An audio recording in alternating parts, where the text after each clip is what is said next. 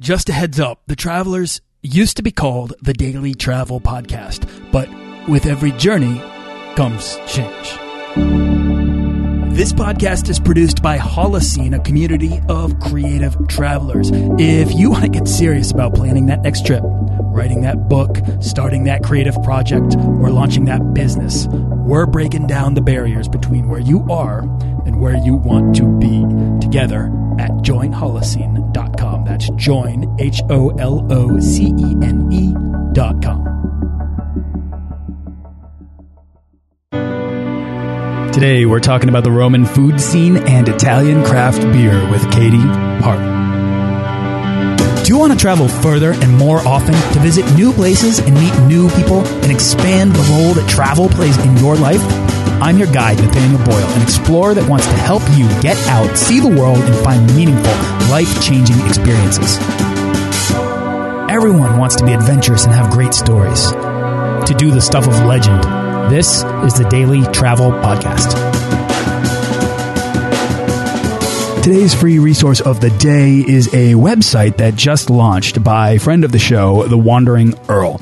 It's called Plansify.com, and on it you can actually book time for a very small fee with your favorite travel bloggers, experts, writers, or podcaster. Uh, the list goes on. So let's say you want to pick my brain for an hour about your travels. Well, you can head on over to Plansify, find me, ask me anything, and I can bring the collective knowledge of more than 50 guests to our session, plus my own extensive solo around the world travel experience and travel hacking expertise. So to help you save money, plan for anything, and explore the places to which you're heading, I really think this is a cool idea. So to help them get started, I'm letting you book with me for free until August 1st. So head on over to dailytravelpodcast.com slash plansify and let's chat.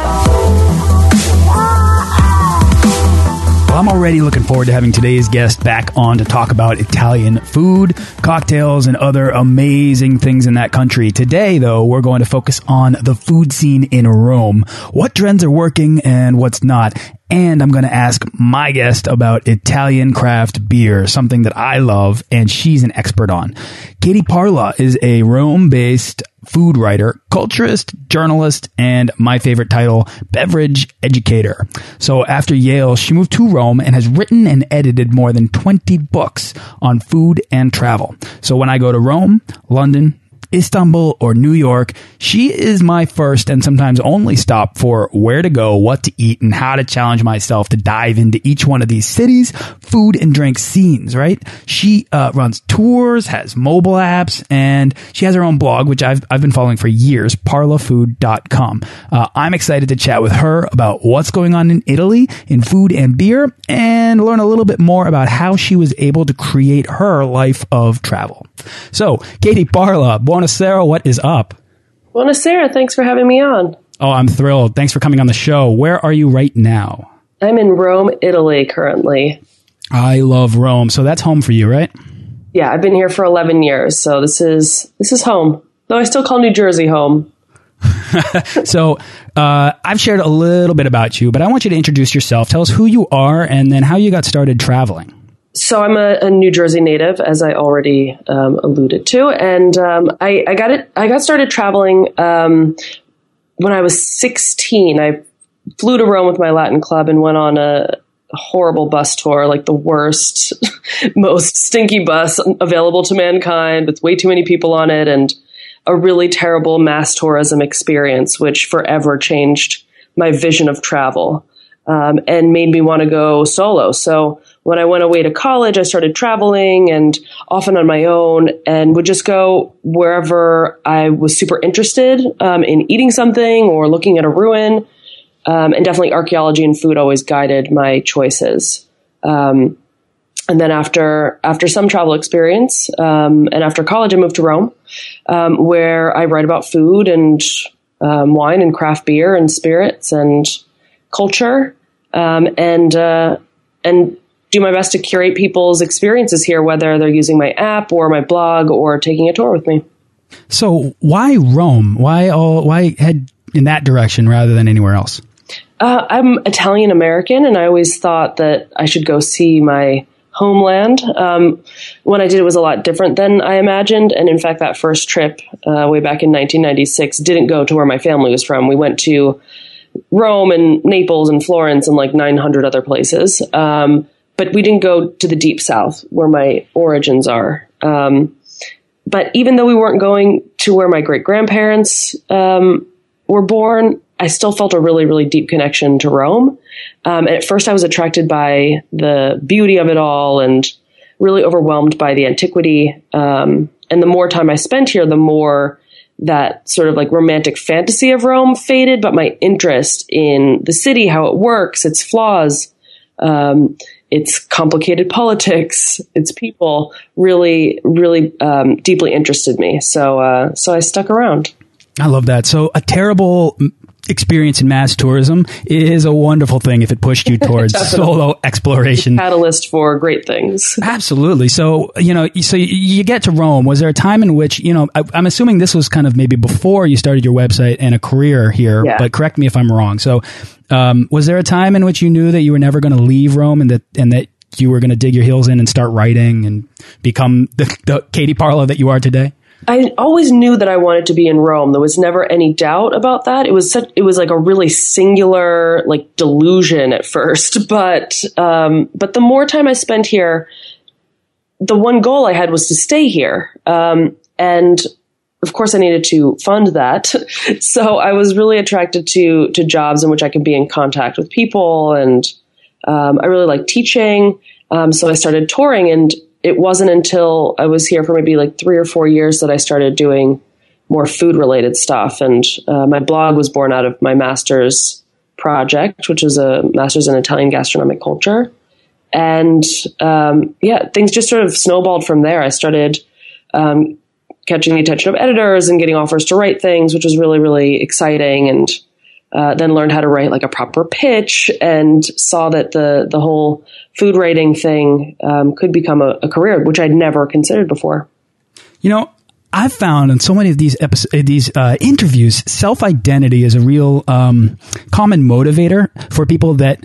Uh, travel and also really get into food, especially in the countries in which their heritage, you know, hails from. So, uh, food is is such a great lens into culture, obviously, and and a way for its people to enthusiastically share what they have. And I've found that that's, that's oftentimes, it's not necessarily the way you look at it and you experience a culture, but it's the way the culture actually shares its food with you. Um, I guess what I'm trying to ask you here is, did you get into food at a young age and did that make you curious about who you are and where your family came from? I was always into food. My mom always cooked a lot of Italian American food. Um, and I was I guess I didn't think about identity because in, you know, in the States, you're just Italian American and you just say you're Italian even, which doesn't really mean anything because an Italian American is not an Italian, far from it. Uh, so it wasn't until I was about 16 that I started questioning, after this trip, of course, um, to Italy, why do we eat spaghetti with meatballs? Why do Italians eat spaghetti then meatballs? So like this sort of very basic 101 Italian food culture um, started to kick in, and uh, and yeah, I was I was curious to learn more and curious to learn about food history. After I moved here, it became really clear to me that um, some of the things I was eating were from a millennial history, and some of the things I was eating were brand new trends that weren't very good. So um, the more time I spend here, the more the more I try to identify what the positive things about Roman food culture and Italian food culture are, and what the surprising and very bad things that are going on are and uh, try to stop them if I can. Yeah, absolutely. Well, can you give me an example of something that uh, would be a bad thing? Oh, brunch. There's this ridiculous trend to do brunch in Rome, which is nothing more than putting a very carby buffet out at 11 a.m. and charging 20 euros for it. It's a juvenile attempt to mimic American culture or foreign culture, and it's so sad. Um, there's a there's a huge fast food trend, and there's there's a difference between fast food like Roman pizza by the slice and the constant opening of subways. so there are these there are these things, and they're often um, sort of foreign concepts that are embraced in an immediate and completely superficial way that I think are doing real damage to small businesses that have to like compete with Subway, for example, now. So, and you know, if food doesn't taste good, then what is the point? Why would a place as proud as Italy and a people as proud as Italians with such pronounced style want to emulate a foreign culture? Well, Italy is a modern construct of the late 19th century. So the, the idea that there is sort of a, I mean, I, there are definitely sort of national traits now, but Italy has so many regions and so many things that are in, influencing its individual cultures. And Rome is vastly different than Florence and, and Naples. And if you look at what's on a Roman table today, it's the springtime, right? So we've got like zucchini flowers. Um, we're coming into the summertime, so there's going to be um, baked tomatoes. Those things are foreign. Those came from abroad. They were they were influences that perhaps at first were seen as contaminating, um, but objectively they contributed to flavor. The arrival of awful awful brunch serves no one except for the owner of these awful awful brunch places that um, have a ridiculous profit margin because they're serving bad couscous and like inedible pancakes and it's just all flour and it's yucky. That's amazing that you have such an appreciation for food history while also and you're, you're also because I follow your blog you're inspired by new trends that are that are good and that are kind of exciting. So that's why I you know I touch base on in your apps or your website every time I need to go to Rome because I want to know where I should have pizza that's more interesting than just the pizza that's on every other corner. Um, so how do you uh, how do you determine what trends you appreciate? By eating everything I can. Um, it's the best answer. I also think brunch is dumb in most places, by the way, but I do acknowledge that it can be delicious. So in order to figure out like the brunch here is bad, you've got to eat the bad brunch. In order to in order to recognize that the savory gelato trend is good and interesting, you have to taste all the savory gelato um, in order to determine which of the places doing all these creative fried rice balls, you've got to try all of them and then see who's actually changing their oil on a regular basis and using good mozzarella instead of like weird uh, pasty stuff. Um, so it's it's a lot about analyzing things when you're eating them and taking notes and just eating everything that you can and and approaching it like you would any other type of research. Um, it has to be systematic, and you have to try all of the all of the options so that you can judge which one's the best, and also continue to develop your palate so you're you're able to serve readers. I love this. If anybody's listening to this and they're not they're not like convinced that you know what you're talking about here, then uh, I'd be I'd be astounded. But I just wanted to like establish your authority right up front because you know what you're talking about. You are my go to for these things. You know, I want to take a step back though and ask you: Was it difficult uh, to redefine your life as an American Italian expat rather than an Italian American in New Jersey. I'm asking, I guess, uh, to set up life for yourself in a foreign country is a lot more complex uh, than long term travel or any amount of travel in which there's an end in sight. Yeah, for sure. And I think I had this. I had this dream. I wanted to live in Italy, but I didn't think much further past that. And then when I got here, I was so busy working I didn't consider what it would mean to like construct a brand or sort of build a, a persona, the things that as bloggers and journalists were meant to do.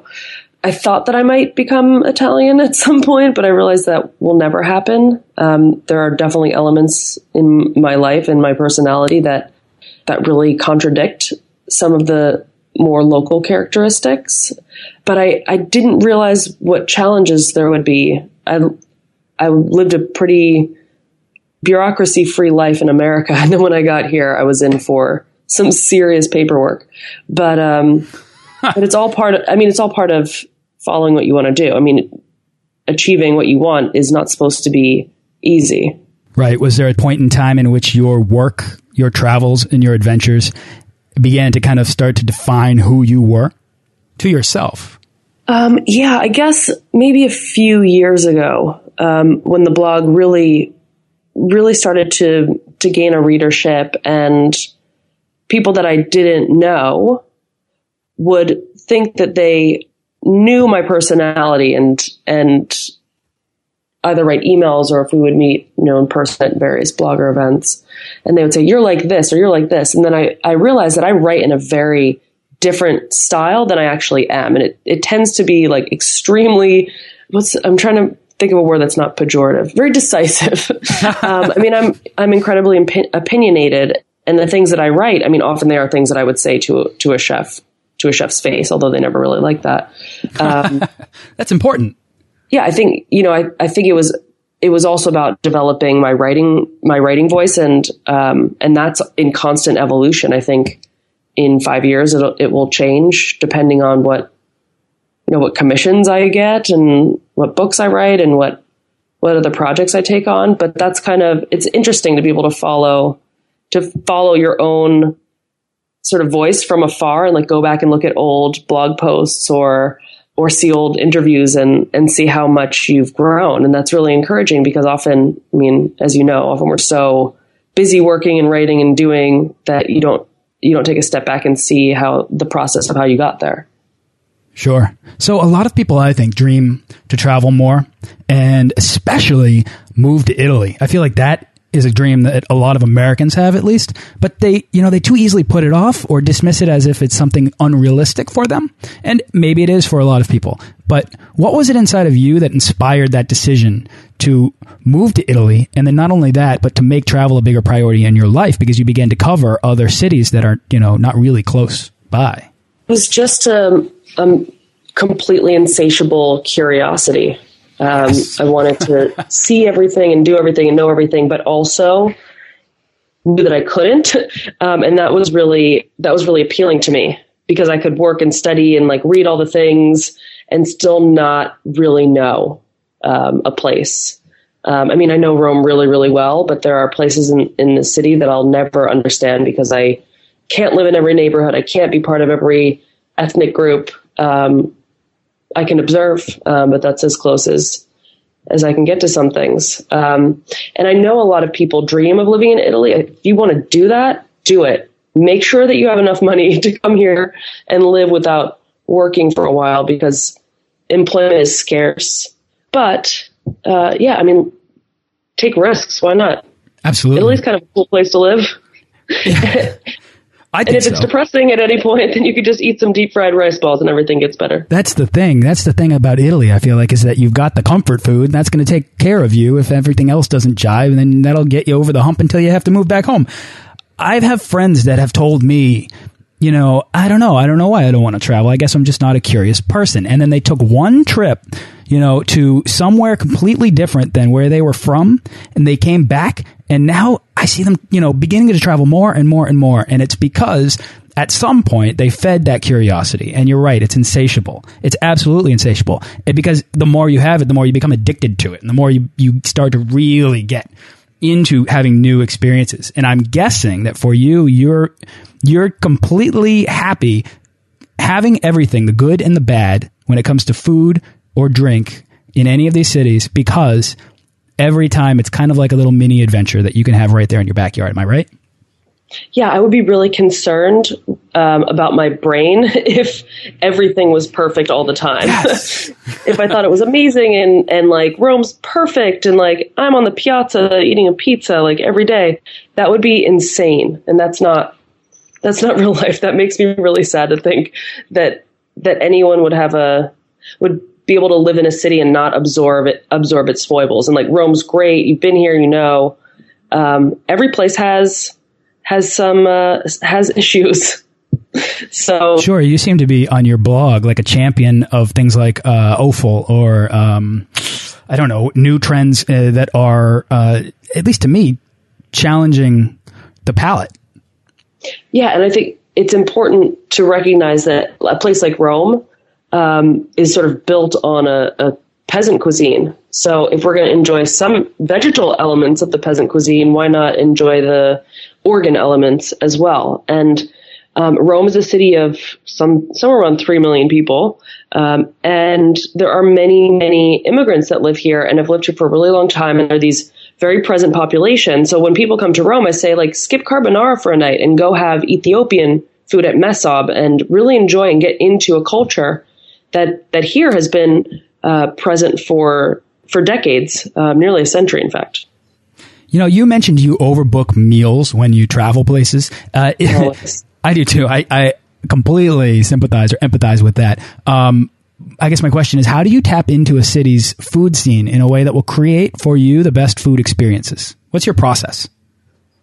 Um, I actually leave it, and oh god, this is a stupid pun. I leave it to my gut. Um, I do, I do a little bit of research, not that much, um, not that much anymore, because I like, I like the adventure part of travel. Like, remember before the internet, or before smartphones, I should say, huh? when we would go what? to a place with like a Lonely Planet guide. It was in the 90s. Oh, um, yeah. um, I, w- I would like, you know, I, tra- I would travel to Europe during college with like a backpack full of Lonely Planet books. And, um, and so I would know what sites to go to. I'd always ignore the restaurant recommendations because they were usually rubbish. But if I go to like Paris or something, I'm because it's so expensive, I will definitely tap my friends there to see where I should eat. But most anywhere else, I just like renting a bicycle or walking around and like sort of getting the feel of a place and then going and trying food in different places, different neighborhoods, um, looking for for markets and things. Um, I like to I like to wander. I like to not have a have a have a plan. Um, unless I'm going to like Paris or London where food is a real investment and you can't just walk in anywhere. You have to have reservations.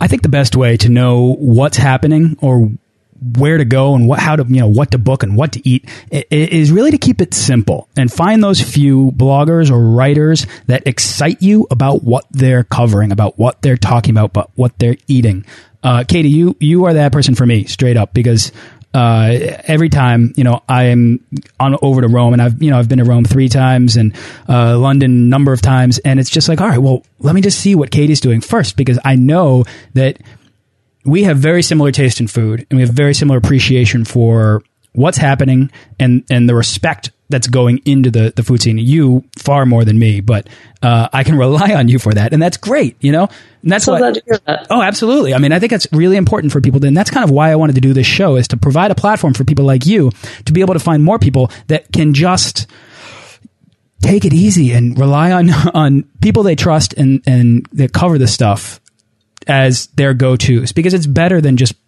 looking into the Lonely Planet guide, or it's better than looking into a you know TripAdvisor reviews as to where to eat. Definitely, because you you are uh, you are covering the beat of what's happening in Rome. And the one thing that's really uh, exciting to me about what you do is Italian craft beer.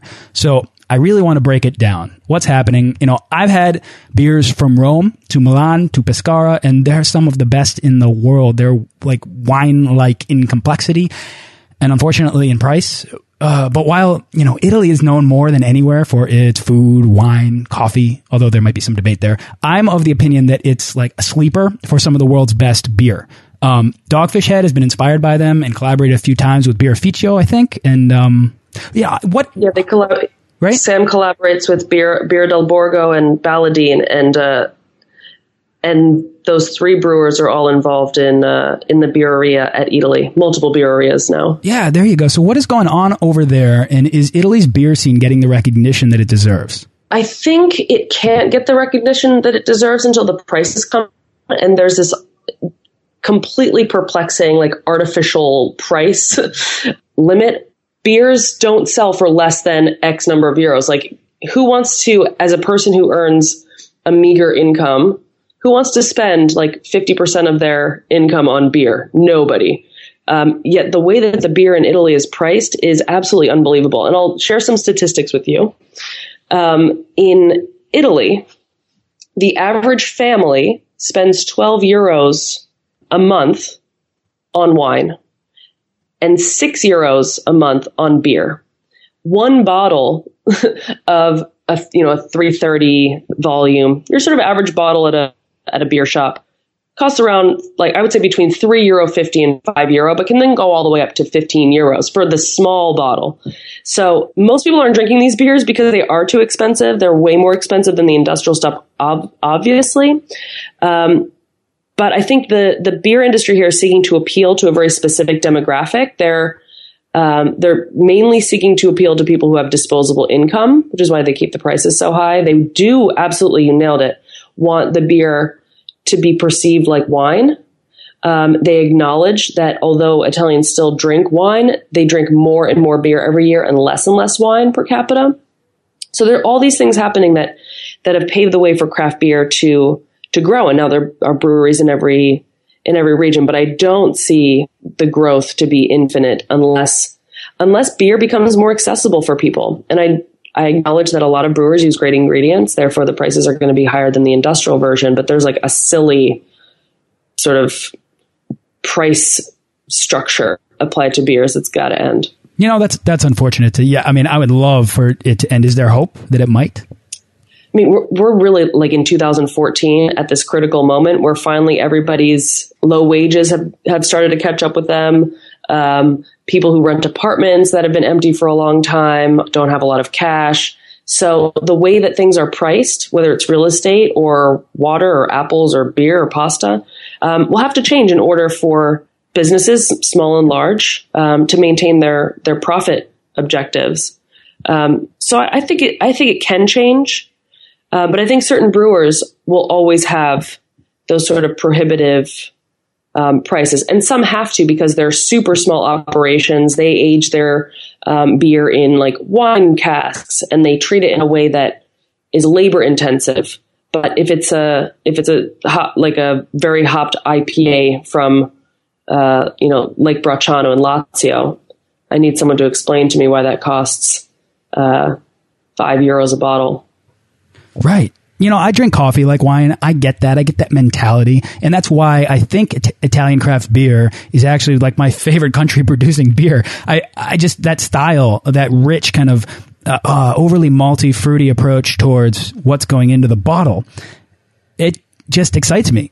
But like you said, yeah, there's uh, there's some awesome stuff. Yeah, Wouldn't it be great is. if everyone could drink it? I, I, I think so, but I go down to the liquor store here in Boston, and it starts at twenty five dollars for you know a, uh, seven fifty milliliters, and that's crazy. Silly. It really is. Uh, you know, I like to experience everything that way to kind of seek the complexity in everything and appreciate it. Uh, it makes everything more exciting and it's kind of like getting back to what we were talking about in that kind of triggering and then trying to satiate the curiosity in the little things we do in life and kind of appreciate things. And that's why I love food and that's why I love uh, I think obviously travel and traveling to eat. So let's talk I want to ask you about your Italian beer tastings. Are you trying to kind of uh, promote Italian craft beer by doing these? Yeah I mean I even though I just talked so much trash on the pricing, um, I do I do love supporting the the industry by helping to guide people towards beers that they should invest their money in. Um, I mean, you said that you've got you know your beer shop in Boston. There are lots of places in New York that have Italian craft beer. It's growing as um, its presence is growing in uh, all over North America. Um, but people are still hesitant to purchase it because they don't want to spend $25 on a bottle that they may or may not like. So I do lots of beer events in, in New York. Um, I did one in Philly recently and I do beer tastings and beer events here in Rome. Um, to teach people how to negotiate the Italian craft beer industry because with hundreds and hundreds of producers making lots and lots of beer, trying to figure out what's what is difficult. There isn't a common nomenclature like there is um, with wine, um, which is already for Italian wine. It's already very intimidating for many people um, to go to their local shop and pick things off the shelf, um, which is why many gravitate towards Tuscany um, or Prosecco or um, or wines that they recognize uh, from magazines, things that have gotten publicity. Uh, I mean, in the end, these things are can be works of art, but they're also commercial goods, and people work hard for for their disposable income. So, I do want people to be able to to uh, to find the brewers that that they like that are based in Italy and, and try to find them when they go back to the States or wherever they're from. Can you describe the tastings? Like, and I'm asking out of sheer curiosity, personal curiosity, because I have thought multiple times about driving down to New York and just jumping on board, signing up. But it has, it's never been convenient. I've, I've literally thought about it. But how do, can you just describe how they go down? Yeah, I mean the tastings that I do in the states tend to be at bar at at craft beer bars, um, where we'll just I'll just take over the bar and work with the owner uh, because I, as a, an individual, by many U.S. state laws, cannot purchase beer, but the the owner will order what I suggest, and then we'll go back and forth usually for what actually is uh, is accurately on the list. We'll order accordingly.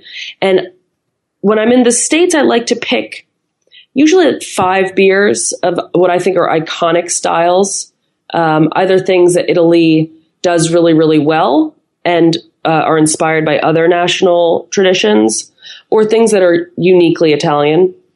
Um, so I always try to put a beer, or sometimes two, that incorporate grape must, active must, sometimes cooked must.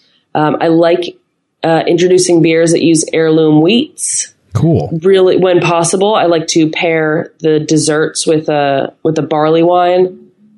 Um, and when when I can find them, uh, I'm always looking to introduce beers that are made with uh, indigenous fruits um, from the brewer's hometown, which is a way, which is one way that brewers are able to express terroir because they're making this fermented beverage, which has its roots in ancient civilizations, but certainly is new, somewhat new to Italian culture. So by adding apples from uh, from like the volcanic hills in Campania or grapes from Barbera, brewers are able to to introduce an element that's really really indigenous to the area and allows them to express their territory in a way that they wouldn't be able to without it. I love all these very rich, complex styles, and that you would mention terroir in the conversation about beer is I mean, uh, we already covered how they're going for that wine-like taste. They're using grape must. That's obvious, but you know, that's also a way for them to express personal culture you know a brewer's personal culture and people get as i mentioned before really enthusiastic about that opportunity um, and you know that's to me what food is for that's why food matters that's why drink matters that's why all of this uh, how you can get a real topographical understanding of where you are through the things that are being made by the people there uh, especially the, the smaller, craftier ones that are less distance from the person from the people who are actually making it. Sure. Um, and that's why what you're doing, Katie, matters to me. And uh, so I, uh, I, so thank you. I just want to thank you for coming on the show and uh, just ask you, you know, like what, what's exciting you right now? What's going on in in your uh, in your Parla Food world?